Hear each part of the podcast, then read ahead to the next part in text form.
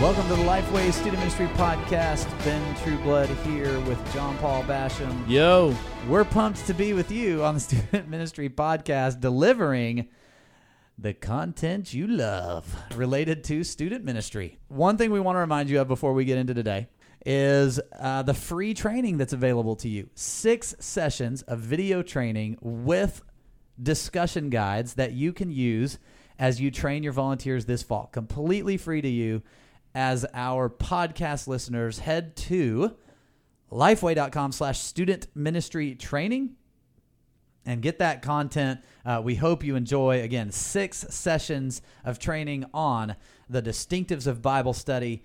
And uh, it comes along with uh, discussion guides, questions, everything you need to have an amazing volunteer training meeting or six. all downloadable. Yes, downloadable right now. So head over there, lifeway.com slash student ministry training. If you haven't left a review yet, head to do that. We would appreciate it. Today's topic is 10 things that you should not do in campus ministry. 10 things you should not do in campus ministry. If you haven't listened to last week's episode, go and do that. We did 10 things that you must do as you get ready for this fall, and we did it a little bit differently.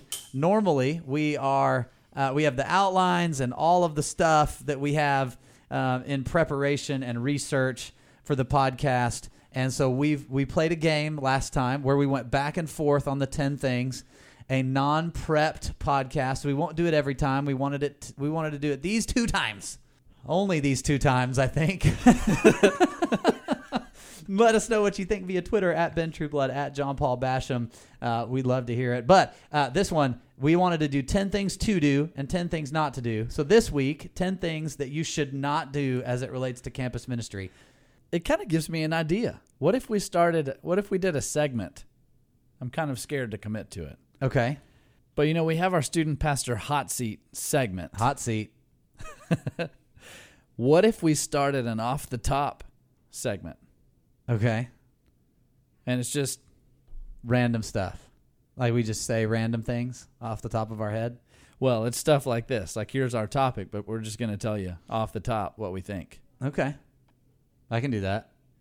So if you guys would send us Hmm. something, See, I see what you did there. send us a little tweet, Yeah. little little love via Twitter with an off the top topic. Yeah, we'll do it. We commit to not think it through beforehand. Yes.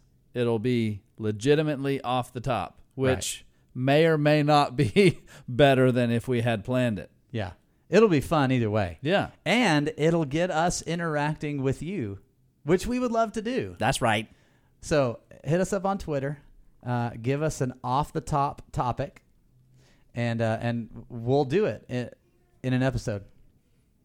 So that's our commitment to you. We're not going to prepare when you tweet it into us. We will file it away. We'll we'll give it to producer Nathan right away, and then we'll we'll do an off the top. So give us I a like that. give us a hashtag off the top Yeah. for that, so we know. Some of you might be like, "No, nah, I want you to think about it. You give me like a for real answer." Yeah. And then we could do a longer episode on it. But this is like the the quick hit. Yeah. We're just going to say something that comes into our head, which uh, it's frightening. But we're committed. So, right. jumping into our content today, in no specific order, John Paul's going first. Number one. the firework dud. That's right. I like it. All right. The first thing out of a list of 10 not to do on campus is surprise the principal. Do not show up and surprise the principal with a visit and just start going nuts in the hallway with students and Yeah. freaking out. That's a really good one. Principals don't like a surprise. Don't jump out of a cake. They'll call the police. Yeah. The resource officer that's on campus. Don't just show up in the lunchroom. Yeah. That's a great one. Yeah, I don't know. That's why I made it number one. Number one. All right, this is the helicopter bringing in number two. We're gonna, we're gonna explain now. The only sound effects that come to mind now are the ones I do with my boys are eating dinner, and I'm trying to get them to take a bite. Number two. Don't offend the administrative office staff. This one is muy importante. Yes, because the the office secretary, the administration, when you walk in the building, they are the first line of defense for you being able to get on the campus, and you should have a really good relationship with them. Uh, because if you can't get past them, there's you're never going to get a meeting with the principal. You're never going to get meetings with other faculty. It all kind of starts with them. So things not to do in campus ministry: don't offend or make the office staff angry you want to build a solid, professional, great relationship with them to where they're excited when you show up because they know that you're there for ministry and you're there to serve the school and, and, and you're going to be a positive influence. Number three, back to you, John Paul. Do not neglect serving the school. So, talking about a lot of times when we think of school ministry, we only think of getting to those students. But in the same way that we have to build relationship with the gatekeepers to be able to gain trust that will give us access to students, we, we need to be willing to serve that school in any way they need to be served. So so don't neglect the importance of walking onto that school campus and looking to see do they need paint somewhere? Do they need landscaping somewhere? You know do they do they have trailers behind their school for extra space you know is that decking looking good do they you know what whatever it is don't neglect looking for ways that you can serve that school and meet some needs to continue to build that relationship and credibility that you want. Yeah. I think that's a great word because if you go in with only the mind of I'm here for these students and I'm only going to do things that interact with students and not serving the school faculty and uh, looking for opportunities, even in, like you said, even in the facilities and things like that. If you don't go in looking to serve the school first, you're never going to be able to minister to the students. Yeah. So that's a great word. Numero cuatro. That was like the soccer, like the goal. I like the goal thing. Okay. So, uh, similar to what you just said in don't don't neglect serving the school, I would say uh, don't only focus on the athletic teams. I think our tendency many times is to go onto a campus and try to do something for the football team, the basketball team, the softball team, the whatever, you know? Uh, don't neglect the other teams. Don't only focus on the athletic clubs at the schools that you want to minister to. There are so many, as you know, so many other students at that school that you need to reach as that student pastor. And, and you're not called to be the student pastor of the football team, you're called to be the student pastor of teenagers. And so don't only focus on the athletic teams in campus ministry. Now, It's a good word. it may be that those are the easiest ways onto a campus And often are. and often are. And in that case, great. But you should always be looking for ways to move from that to other areas in the school. And many times, because the athletic teams get more of the recognition and publicity and all those things anyway, when you're able to serve some of these other clubs, you're able to make more of an impact and develop more relationships because they have less funding, they need you more. All of those things come into play. And when you go out of your way to serve a group that is less served, man, you you earn some you earn some credibility to be back at that campus. Man, something I never did was reach out to the band director at any of the schools that we were serving Yeah. to say, hey, those kids need some popsicles too. Yeah. You try to lug around that dang tuba all day out in the sun. I'd want some popsicles. And how much fun would it be to pull that spit valve and green popsicle juice come out of it? That, dude, that would be amazing. you know, one of my favorite movies is uh, Drumline. Really? Nick Cannon. I like a drumline. They're fun. Yeah. Maybe we should have an episode on the podcast specifically dealing with how to reach the marching band at a school. Yeah. We're going to need to bring in a guest Yeah. for that one Yeah. because I don't know. We're, looking at you, Kieran. Who Kieran? He's from uh, First Baptist in Hendersonville.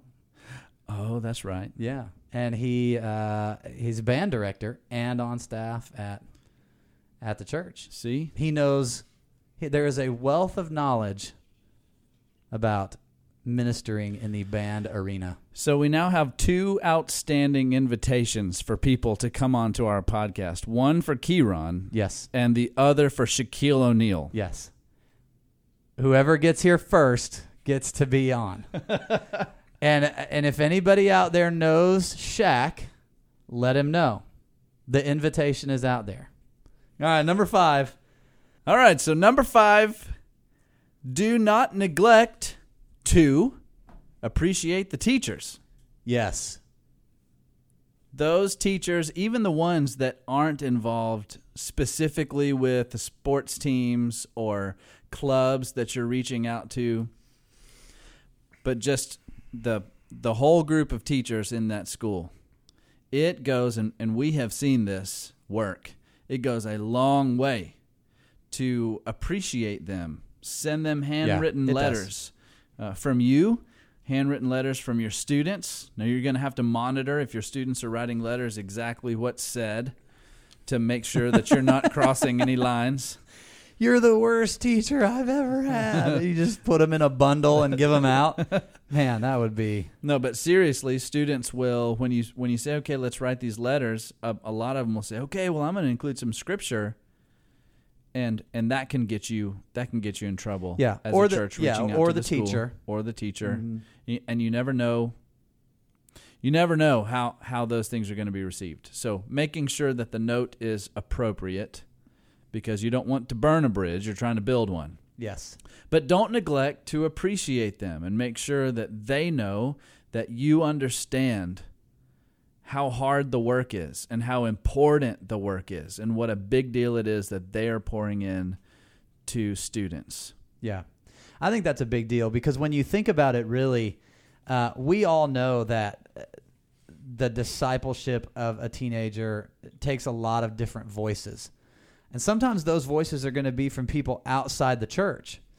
And when you have teachers that are also believers in your school system, that's a tremendous help. But I think one of the things we have to consider too is in a student's discipleship, ministering to and seeing the faculty of the school as part of their mission field is a huge moment of discipleship for them. yeah And that they can be a voice to that teacher as they serve, as they minister, as they live their faith in front of the faculty. Uh, a lot of times when we talk about campus ministry and when we encourage students to do it, uh, it's hey, bring your friends. Hey, invite your friends. Hey, have a spiritual conversation with your friends at the lunch table or after school. And very seldom do we talk about the impact that a teenager can have on their teachers. And so I, I, I think I think your point there is very well taken, uh, and even um, a not a, a topic that's not approached as as we talk to students about the mission field that is their school. That the faculty is included in that. this is number six Yes, I love little Montel Jordan in my podcast. Anytime I can get Montel in the podcast, it's a great day. Uh, we're you know we're not putting our stamp on the song. O- only that's the number six song what you talking about yeah, it's the number. That's true. Numbers number six. Okay, uh, don't do anything on the school campus without permission from the faculty. So uh, this could be really similar, I guess, though, to number one with the don't surprise the principal. Uh, but I think it can be different enough to, to be number six. Don't do anything without permission. Uh, don't show. Don't don't walk past that the main office without permission. Um, don't show up on uh, the athletic field to hand something out without permission. Um, you are there in the name of the school. And when you walk on the school campus, um, you carry both the church and the school uh, representations. So when students see you or other faculty see you, they see you with the stamp of approval from the school. And so you then become a representative of that faculty when you're there. So you're not just acting on your own or just in the name of the church, you begin to act in the name of the school as well. So it's super important that you have permission, approval for everything that you do, which means you're going to need to meet with faculty. Now is a great time to do that. If you listen to last week's episode, one of the 10 things you should be doing this fall is creating a strategic plan for campus ministry. One of those things is to meet with the faculty as you ramp up to school. So teachers, administrators, they will begin being in the office before students ever show up, usually a couple weeks before. It's a great opportunity for you to serve the school. It's a great opportunity for you to go meet the faculty and and just get to know them. So again, number 6, don't do anything without permission of the faculty and administration. Number 7, Number 7, don't feel like you have to be in a competition with the other student ministry leaders that are visiting and ministering at that same school. mm, The school campus does not need to turn into a turf war between all the local churches. Instead, it should be a place where you find a common goal in reaching those students with other student ministry leaders. You can do a whole lot more together on That's right. campus than you can individually. that's right. So you talk about changing a community and really making a difference. Um, we start thinking through what does re- what will revival really take in an area? It's going to take a unified approach, a unified, concerted effort to pray and minister to the community and reach out to those students in those schools. And you're just not going to do that by yourself. So work together. I like it. Number eight. All right, number eight is don't be afraid to focus on just one or two campuses at a time. This is going to largely depend on how open the campuses are in your area to having you as a part of what they're doing. So, uh, if there are several schools that are like completely closed off to you right now, and it appears like God is opening doors to just one or two campuses, uh, don't stop trying and like cast the others away. But at the same time, don't be afraid to focus on the schools where the opportunities are. Because what you're doing in that situation, number one, is, is building those relationships and getting on the campus to do ministry and all those things. But you're also building a resume of credibility in how you're going to behave and the kinds of things that you're going to do for the school and how you're going to help the school that you can then take with the school's permission to another campus and say, hey, if you need references, you can call, you know, principal whatever or coach whoever and, and they can tell you the kind of work that we do that i'm very conscious of the lines that i'm, I'm i can't cross as a person uh, uh, uh, that's on staff at a church. I'm, I'm very aware of that. I'm here to serve you and these faculty from this other school can back me up and be references on that. So you're you're don't be afraid to focus in on the campuses where doors are opening uh, remember you're building a resume for other schools to look at and say, okay, I can trust this person. And and really, campus ministry is about trust more than it is anything else. Number nine. Don't approach school campus ministry without having a plan. I think more often than not, student pastors that are getting on school campuses are just going kind of to be there because they know that they should. But then they'll often talk about, man, I'm, I'm not getting the traction that I would like to be getting from from the time I'm spending on campus. I'm not really seeing relationships build. I'm not making any progress with the administration. And that's often because there's not really a plan. There's not a there's not a rhyme or reason necessarily to what you're doing. You're just kind of showing up for lunches consistently. You you may be speaking at FCA and First Priority when you get in, invited to do so. Uh, but when you can lay out a plan and a progression for what you want to see happen on campus and what do you think it's going to take to to progress through that plan, you'll find that you are much more efficient and effective with a little bit of intentionality. So don't go on campus without a plan. And I and I think the the flip side of that would be don't don't let that plan trump opportunities for relationship and doors that are open to you when you get on campus. Yeah. So you don't want to just walk on on campus with your agenda and then when when the administration says, "Oh, what about this?" you know, you just say, "No, that's not that's not what I'm here to do. It's not mar- part of my plan." That comes across self-serving. Yeah. So, go with a plan, be ready to throw it out the window for the sake of serving that school, but go with a plan. Yep. That's good. Number 10.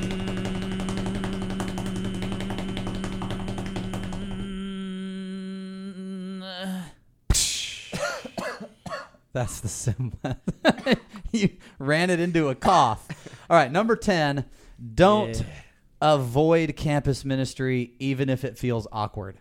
I think there are many a student ministry leader who feel awkward in this piece of student ministry and so they avoid it not comfortable walking into the faculty situation or the approval situation or the lunchroom situation or whatever it is it can feel very awkward because we all know that teenagers can be some of the most judgmental uh, people on the planet, um, and and and it can be a very awkward experience for some. So, don't avoid campus ministry, even if it's difficult or awkward. It is a necessity to student ministry done well, to doing student ministry the right way. So don't avoid it. It's a must. And there it is 10 things not to do when thinking about campus ministry. Yeah. I feel like it's a strong 10. Yeah, strong 10. And this has been another episode of the Lifeway Student Ministry podcast. Thank you so much for listening and being part of this with us every single week. Uh, we love doing this because we get to hear from you guys how it's impacting your ministry and and the, the difference that it's making and, and getting you to think some new thoughts or reminders of things you've been doing for a while. So thank you for reaching out to us and letting us know how much you love the podcast. Uh, and we love serving you. So if we can do that better, let us know how. We'll see you next time.